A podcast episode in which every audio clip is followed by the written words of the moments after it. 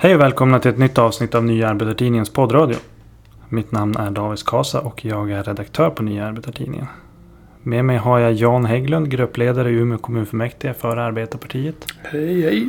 Tjena tjena! Du, vi ska prata om EU och det stundande EU-valet idag du och jag. Ja, det ska vi. Minsann. Men eh, innan vi gör det så vill jag tacka de av våra lyssnare som har hört av sig med tips och idéer om hur vi kan göra vår poddradio bättre.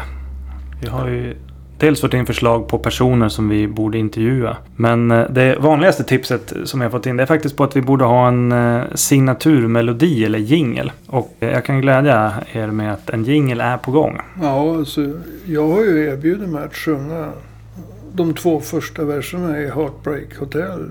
De som Elvis eh, gjorde som lycka med. Mm, mm. Ja, nej, vi, vi ska fundera på den saken och så ska vi kanske ta in lite andra idéer också. Mm. Jag får börja med att be om ursäkt att vi har en traktor här utanför fönstret som kanske kommer in i inspelningen. Vi ska göra vårt bästa för att redigera bort den. Ja, så länge han inte kommer in genom fönstret är det bra. Jo, precis. Sen så vill jag också säga att eh, Nya Arbetartidningens poddradio numera även finns på iTunes. Och det innebär att om du har en sån här app för poddar i din mobiltelefon så kan du söka reda på oss i den appen. Har du en sån app? Nej, vet, jag har ingen smartphone överhuvudtaget. Jag är smart själv så jag behöver ingen sån här extra grej. Någon sorts hjärnatrapp. Ja, det är sant. Nåväl. Eh, veckans tema handlar som sagt om det stundande EU-valet. Vi ska prata om hur man som EU-motståndare ska tänka kring EU-valet i år. Både Vänsterpartiet och Sverigedemokraterna har ju tonat ner sitt EU-motstånd. I vänsterns fall har Jonas Sjöstedt lyckats göra nyhet av att V dumpar EU-motståndet. Trots att Vänsterpartiet slutade vara EU-motståndare redan under Lars Ohlys tid. Och det var ju 2010 som, som Vänsterpartiet röstade för att skriva in Sveriges EU-medlemskap i grundlagen. Dessutom två gånger med ett riksdagsval däremellan. Så de utkämpar ju hela valrörelsen 2010 genom att vara EU-förespråkare. Sen har ju SD också nu släppt sitt EU-motstånd. Och det är för att de hoppas att de och andra likasinnade partier ska gå framåt och ta mer platser i EU-parlamentet helt enkelt. Ja, och så mycket för den principfullheten. Ja, det är ju som principlöshet från både vänster och höger kan man säga. Det kan man säga. Eh, du har ju då skrivit ett blogginlägg, eh, Jan, här under påskhelgen. Du hade en eh, rubrik som löd EU-val utan debatt om planerna på ett Europas förenta stater. Kaoset med Brexit bidrar till odemokratisk tystnad. Varför anser du att det behövs en debatt om ett Europas förenta stater i samband med EU-valet? Alltså, det behövs en debatt om ett Europas förenta stater. Därför att eh, utvecklingen av EU mot en allt mer ökad överstatlighet. Det pekar i riktningen mot ett Europas förenta stater. Och varför det behöver diskuteras. Det är att det går inte att skapa ett Europas förenta stater utan att avveckla dagens national och välfärdsstater som Sverige, Norge, Danmark, Finland, Tyskland, Frankrike, Italien. Och det här, det skulle vara en oerhört stor förändring. Alltså så stor att det är svårt att föreställa sig. Och jag menar, en större förändring. Vi får gå tillbaka väldigt långt i historien. Men det här är ju någonting som inte ens... Man hör, man hör inte ett knyst om det. Nej, vem, vem är det som vill skapa ett Europas förenta stater? Ja, alltså det har ju funnits med ända sedan början. Alltså. Och det har ju uttryckts i olika dokument. Lite diskret sedan i början på 90-talet. Men om vi tittar på mer aktuella potentater så har vi ju EU-kommissionens ordförande Jean-Claude Juncker. Han är en uttalad förespråkare för ett Europas förenta stater. Om vi går bara helt kort in här i Sverige så. Jag vet inte när det var. Om de hette Folkpartiet fortfarande. Eller om det var på Liberalernas tid. Men ungdomsförbundet. De eh, skickar ju in en motion till partikongressen. Och om det var Folkpartiet eller om det hette Liberalerna, det vet jag inte. Men den här motionen, den antogs. Och motionen gick alltså ut på att Folkpartiet snedstreck Liberalerna också skulle vara för ett Europas förenta stater. Så jag menar det här är en levande fråga i alla länder utom i Sverige. Jo, jag tror att det där var faktiskt på Liberalernas tid. Alltså det är så nyligt som 2017 tror jag. Ja, det förvånar mig inte. Men kan du nämna några exempel på hur överstatligheten har ökat som drar i riktning mot ett Europas förenta stater? Ja, den kanske förtjänar en egen sak. Men alltså det som är motorn i hela överstatligheten. Det är ju införandet av euron.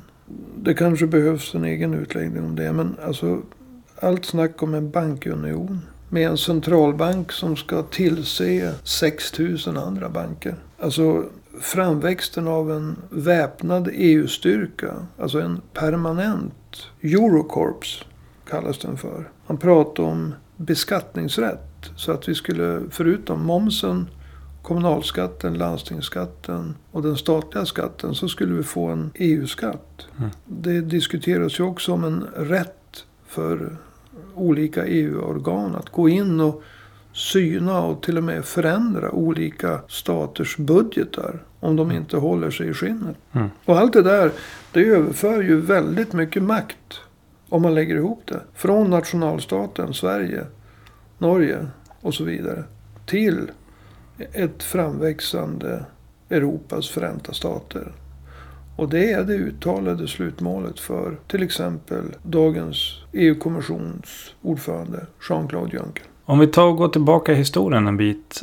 Du var ju med i samband med folkomröstningen om EU 1994. Och jag vet att du anser att det EU som finns idag har väldigt lite att göra med det EU som ja-sidan påstod att Sverige skulle gå med i då, 94. Kan du beskriva lite grann hur EU-medlemskapet framställdes då? Ja, det var ju framförallt alltså att man skulle få den inre marknaden med de fyra friheterna. Alltså fri rörlighet för kapital, fri rörlighet för arbetskraft, fri rörlighet för varor och fri rörlighet för tjänster. Sen så beskrevs ju liksom förhållandet mellan staterna som ett jämbördigt förhållande. Oavsett om det var en liten stat eller en stor stat till befolkning. Eller hur ekonomin, om den var stark eller svag. Det skulle vara ett samarbete mellan likvärdiga och självständiga stater. Och Naturligtvis så pratades det väldigt mycket om att EU var ett fredsprojekt. Ja, vi ska återkomma till det där med fredsprojekt. Men jag tänkte, på vilket sätt har EU förändrats sedan 94? Det är ju 25 år sedan i år. Alltså, jag kan ju göra en liten utvikning. Det är klart att det fanns ett, vad heter det, inte litet utan relativt påtagligt element av att när man bildade kol och stålunionen som det kallades i Sverige då. Idag kol och stålgemenskapen. Så det fanns ju definitivt ett element av fredsprojekt. Jag menar, det hade varit fyra krig mellan Frankrike och Tyskland.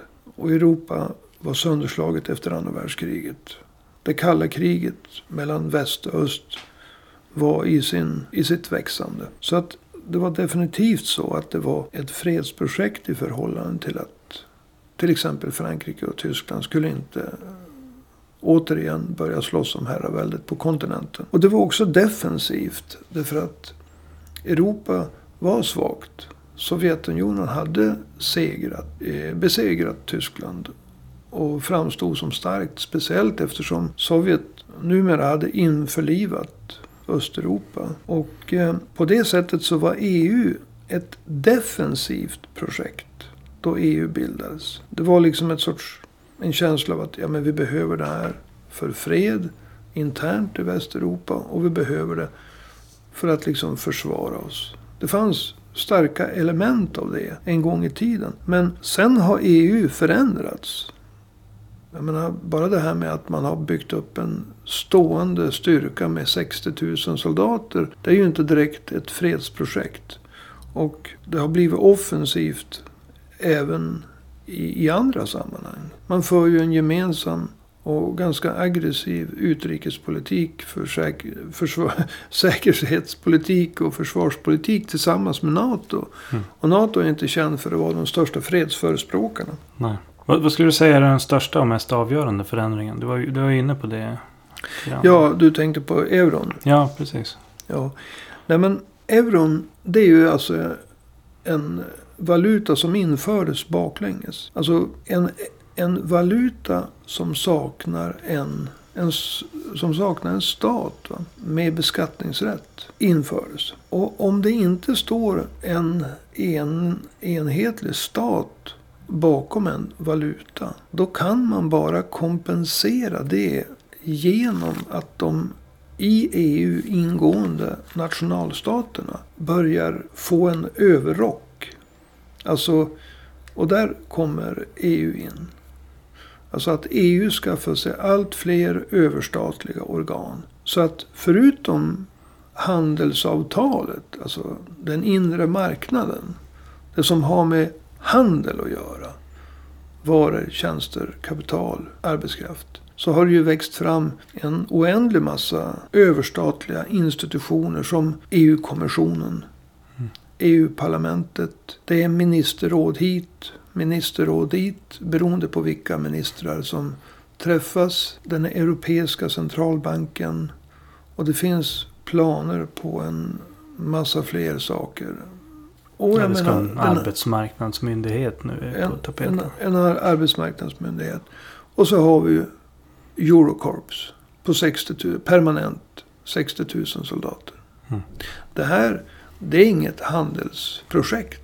Alla de här överstatliga grejerna. Men de drivs fram för att om inte en valuta baseras på en nationalstat så måste den baseras på allt mer av mer eller mindre tvingande samarbeten mellan staterna i EU.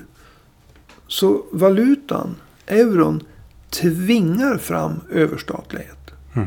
Så att man kan säga att euron är liksom den huvudsakliga drivkraften Så, bakom överstatligheten. Alltså. som jag ser det så finns det en automatisk, obönhörlig drivkraft till överstatlighet. Sen man väl lanserade euron. Och euron, det var i mina ögon alltså en politisk handling. Rent ekonomiskt så var det fullständigt försvarslöst att lansera en valuta som inte har sin bas i en stat. Mm. Så den driver fram överstatlighet. Sen finns det ju naturligtvis en massa partier och politiker. Jag har nämnt Liberalerna och Mm. Jean-Claude Juncker och en he- hel drös andra. Som driver överstatlighet också. Mm. De har visioner Ja, om ett precis. Europas förenta stater. Precis. Macron i Frankrike, han har väldiga visioner. Ja, han har ju skrivit debattartiklar nu i alla europeiska tidningar. Det är ju ingen som gillar han på hemmaplan. Nej, men han kan skriva. Men eh, när det gäller att det driver på överstatligheten. Eh, euron har det att göra med att det, det är som man har slagit ihop både starka och svaga länder. Om man tar Tyskland, det är en väldigt stark ekonomi. Medan Grekland till exempel har ju gått på knäna under många år. Kan det ha bidragit till att driva på överstatligheten? Jag tycker det var en lite ledande fråga det där. Jag tror att, jag tror att ehm, du för, försöker få mig in i ett hörn här. Nej, men jag tror alltså att vi ska skilja på att en valuta som lanseras utan att den baseras på en nationalstat. Den kommer att driva fram en förstärkning av EUs överstatliga organ på ett dramatiskt sätt. Och det är vad vi har kunnat iaktta. Sen är det naturligtvis så att det finns en sorts automatik i att de länder, om vi tar Tyskland och Grekland som de två motsatserna. Alltså att Tyskland kommer att sätta sig på Grekland. Mm. Och då kommer ju gre- grekerna med rätta att uppfatta det hela som ännu mer överstatligt. Medan tyskarna kommer att, och nu menar jag bank och pol- po- politiksfären. De kommer inte att uppfatta överstatligheten. Därför att de är inte utsatt för den på samma sätt. Men i Grekland så blir man ju så att säga angripen två gånger. Dels av den allmänna trenden mot överstatlighet och dels av att Tyskland har lånat ut en massa pengar bland annat Tyskland, har lånat ut en massa pengar till Grekland. Och Grekland är också under tummen på Tyskland. Sverige står ju utanför euron. Och det är ju bra. Men vad många inte vet är ju att planen faktiskt är att Sverige ska tvingas in i euron tids nog. Ja, det, det, det handlar ju om att man ska uppfylla vissa ekonomiska krav. Det gäller förhållandet mellan statsskuld och BNP, budgetar och BNP och så vidare. Och när man uppfyller de kraven, de ekonomiska eller finansiella kraven, när det gäller en, den statliga ekonomins eh, stabilitet. Då så ska man automatiskt, alltså alla länder, EU-länder, ska automatiskt in i eurosamarbetet och byta ut sin nationella valuta, som den svenska kronan, mot euron. Mm. Men det har inte skett i Sverige. Och det beror framförallt på grund av folkomröstningen 2003. Där eh, Göran Persson med fler trodde att de skulle kunna så att säga, få en majoritet av befolkningen att rösta ja till euron. Men som tur var så gick det inte vägen. Och för Sverige nu inte är med i euron formellt så beror det på att Sverige inte har låst sin växelkurs till euron. Men alltså det är ju någonting man kan göra med ett telefonsamtal. Mm, ja, det är ju en teknikalitet. Ja, det är en teknikalitet. Så att den egentliga eh, skälet till att Sverige inte är med i euron. Det är ju folkopinionen. Som de säkert ångrade till att de tillät folkopinionen att säga sitt i folkomröstningen 2003. Mm. Vi går vidare. Turerna kring Brexit har ju varit minst sagt kaosartade. Och eh, tidigare kunde man ju, om man var EU-motståndare, så kunde man mer eller mindre komma undan. Genom att säga, ja men vi kräver att Sverige ska gå ut ur EU. Men det, håller ju, det höll ju egentligen inte då. Att bara säga så. Och det håller ju definitivt inte idag. Men då är ju frågan, vad är alternativet? Om det finns något alternativ till EU. Jag minns ju på den tiden som det inte var helt ovanligt att man sa för ett socialistiskt Sverige i ett socialistiskt Europa i en socialistisk värld. Och krossa kapitalets EU. Men eh, det höll inte då. Och det håller inte nu. Därför att det är ju tomma fraser. Det jag vill ly- lyfta fram det är ju att om man tittar på EES-avtalet, alltså den som handlar om de fy- fyra friheterna. Som Norge är ju inte med i EU. Nej. Men Norge, de är med i EES. Och jag har för stunden glömt vad det är en förkortning av. Du kanske kan upplysa mig. Jag tror att det står för Europeiska ekonomiska samarbetet. Eller Just det. något ditåt. Europeiska ekonomiska samarbetet med de fyra friheterna. Alltså, här har vi ju så att säga handelsavtalet. Alltså fri rörlighet för kapital, för arbete, för varor, för tjänster. Och det kräver ingen överstatlighet. Det kräver ingen euro. Det kräver inte 60 000 man i en stående styrka som heter Eurokorps. Eh, en europeisk centralbank. Ett EU-parlament. En EU-kommission. 7000 olika ministerråd och så vidare. Utan det är alltså fri, ett, ett, ett handelsområde. Och Norge har alltså samma villkor som länderna som är med i EU. Alltså det är inga tullar. Utan det är fritt fram med import och export Till EU-länderna. till EU-länderna. Mm. Och det, det är ju så att säga vad den svenska befolkningen röstade om. Alltså i grunden. Det som vi i Sverige röstade om 1994. Ja eller nej till. Det var ju de här fyra friheterna. Det var så EU, eller EG som det hette då, beskrevs. Förutom att man pratade om att det var ett samarbete mellan jämbördiga länder. Oavsett om man var liten eller stor. Hade stark eller svag ekonomi. Besluten skulle fattas i konsensus. Var något land inte överens, då kunde det landet stoppa processen. Det skulle ske i konsensus. Var ett land emot, som Sverige, och Sverige skulle inte vika ner sig, ja då blev det inget beslut. Och det, det är ju det som är ett konkret alternativ. Alltså Norge finns och de är inte med i EU. Men de har inget Brexit-kaos. Därför att de har EES-avtalet med de här fyra friheterna. Mm. Sen, det är klart, det är ju inte idealet. va. Därför att de fyra friheterna, de skapar en, en, en ökad tyngd när det gäller kapitalets makt, om man får prata nu lite 70-tal i alla fall, Mm. i förhållande till arbetet. Men det är absolut inte överstatligheten. Norge behöver inte vara med på resan mot ett Europas förenta stater. Nej.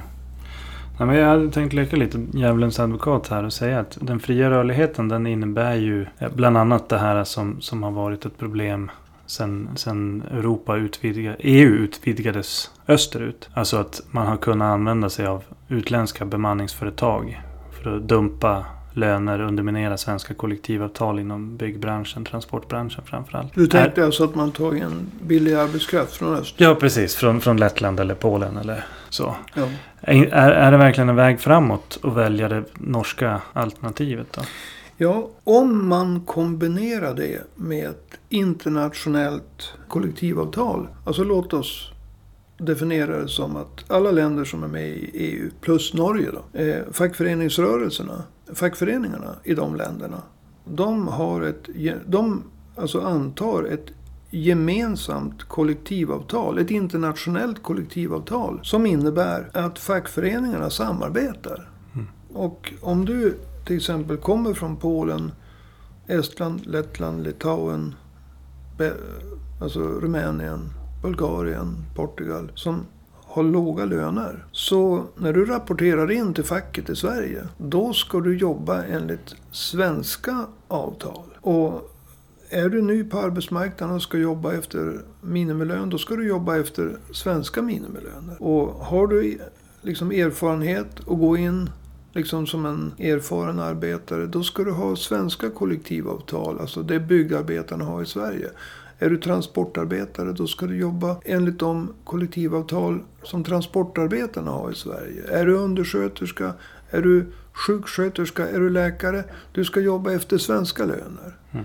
Alltså det här skulle ju liksom förhindra lönedumpningen. Så, Så du tänker en sorts, egentligen en sorts facklig kontroll över gränserna, över arbetsvillkor och löner och sånt här? Ja, alltså mot, mot de, den här frihandelsområdet med varor, tjänster, kapital och arbete, fri rörlighet. Så måste ju fackföreningarna, och det är ju det borde ha skett för hundra år sedan. Mhm. Eller i alla fall efter andra världskrigets slut. Men det måste balanseras. Så att EES, den fria rörligheten, den måste balanseras med ett internationellt kollektivavtal som förhindrar lönedumpning. Och även dumpning av arbetsvillkoren, arbetsdagens längd, liksom vilka miljögifter man utsätts för på arbetsplatsen. Man ska helt enkelt jobba efter de avtal i vilket land man kommer till. Mm. Den andra sidan det är ju naturligtvis att fackföreningarna ska samarbeta. Så jag menar de tyngre länderna ekonomiskt, Sverige, Tyskland och så vidare. De ska ju naturligtvis hjälpa fackföreningarna i Portugal Mm. att få upp sina löner.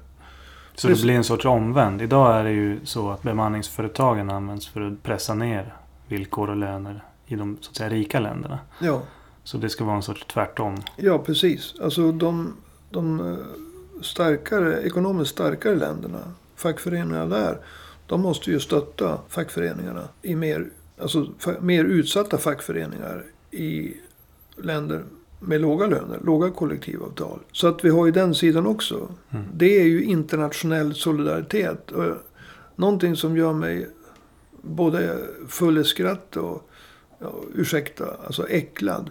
Det är när folk, alltså jag måste säga det, det kanske stöter någon, men alltså att prata om internationell solidaritet och koppla ihop det med EUs överstatlighet. Det är ju rent Det är stört. det, det är stört därför att var finns den internationella solidariteten i Eurocorps? 60 000 soldater som samövar med eh, NATO. Ja, tyska pansarvagnar som rullar har ju aldrig riktigt varit en signal för internationell solidaritet. Det har inte det. Har lite av en annan klang kan man säga. Ja, nu ska vi inte säga något elakt om tyskarna idag. Men Nej. just historiskt sett så, så var det inte det. Utan det var att man eh, stött, stöttade varandras strejker. Mm. Precis. Så det är någonting sånt som, som eh, du anser skulle kunna återupplivas i och med internationella kollektivavtal? Ja, det skulle det göra. Och det innehåller väldigt mycket mer substans än alltså, krossa kapitalets EU. Det är bara en paroll. Va? Alltså Ja. vi måste prata om reella ting. Mm. Och vi måste prata så att folk förstår. Mm. Därför att vi pratar om reella ting. Ja. Vi kan inte hålla på med plakatpolitik. Och om vi har gjort det så Brexit, jag menar folk undrar ju. Vill du ha kaos? Och vi måste förklara att det kaos som råder i Storbritannien. Det beror ju på att Theresa May och Tories. De vägrar att vad heter det, acceptera en norsk lösning. Mm. Om de hade accepterat en norsk lösning skulle det inte vara något kaos i Storbritannien. Det skulle inte finnas något Brexit. Men Tories är så styv i korken. Så de kan inte acceptera en norsk lösning. Och nu blir det mycket om Norge här. Och Norge har ju blivit besjunget av ja, både den ena och den andra. Men eh, nu håller vi fram Norge. Därför att Norge har många av EUs fördelar men de slipper överstatligheten och resan mot ett Europas förenta stater. Kompletterat med ett internationellt kollektivavtal. Ja. Men om vi ska vara väldigt konkreta här. Vi närmar oss eh, slutet av eh, dagens Redan? sändning. Ja. Tiden går fort när man har roligt vet du. Ja, ja. Mm. Nej men det är ju 10 000 kronors frågan kan man väl säga. Hur ska du rösta i i EU-valet? Ja, jag kommer att rösta blankt. Och eh, Varför då? ja, jag förstår att du skulle ställa den frågan. Mm. Ja. Nej men det är ju så att det som har hänt nu.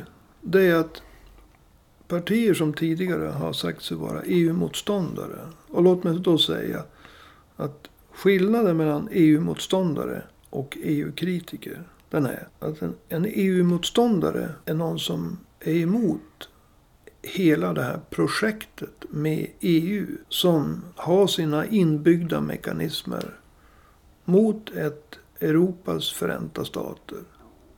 Som innebär avveckling av dagens national och välfärdsstater. Och det är en sak jag tycker vi kan återkomma till i ett annat program. Vad det skulle kunna innebära. Alltså vad det innebär att avveckla nationalstaten. För det är så stort så det är ingen som riktigt förstår. Va? Ja det är ju inget man diskuterar överhuvudtaget. Nej, det är inget man diskuterar. Men alltså det finns ju de partier som tidigare kallade sig för EU-motståndare och var emot EU-projektet. De har idag blivit EU-kritiker och säger banala ting som att det är bättre med ett bättre EU än ett sämre EU. För EU-kritiker, det är ungefär lika radikalt som att vara en kritiker av riksdagen. Det är Mm. bättre om riksdagen för en bra politik än om riksdagen för en dålig politik. Mm. Ja, sossarna de går ju till val nu på att införa ett socialt protokoll. Ja, För att EU ska bli... Jag tror till och med de använder formuleringen att de vill ha ett EU som jobbar för löntagarna. ja. Och då tycker jag att Socialdemokraterna borde ha arbetat för ett internationellt kollektivavtal. Mm. Därför det där är ju bara strunt. Och jag skulle vilja att vi återkom till det här sociala protokollet som är ytterligare ett steg i riktning mot ökad överstatlighet. Och syna det här, den här besvärjelsen. Alltså om, om jag drev med 70-talsvänstern när jag pratade om krossa kapitalets EU och allt det där. Så, så vill jag också driva med högern. Och i, i det här fallet är socialdemokratin högern. Mm. Alltså sociala protokollet, det är deras besvärjelse mot alla onda sidor när det gäller EU. Och det är rent löjligt. Ja. Det sociala protokollet är ett steg till mot ökad överstatlighet. Men Ja. naturligtvis, det är bättre med ett eh, mindre dåligt socialt protokoll än ett mer dåligt socialt protokoll. Men hela idén det är att få folk att tänka på EU som en normal politisk församling. Men när de här partierna, alltså Miljöpartiet, Sverigedemokraterna och Vänsterpartiet har gått från att vara emot EU-projektet till att idag vara för EU-projektet. Fast kritiker och ska göra det bättre. Och det har ju ingen sett någonsin något resultat av. Nej. Det är därför jag röstar blankt. Mm. Därför att blankrösten betyder att till skillnad från att vara med på resan mot ett Europas förenta stater så ställer vi i Arbetarpartiet den, den norska lösningen kompletterat med ett internationellt kollektivavtal som balanserar den stora marknaden som EU är.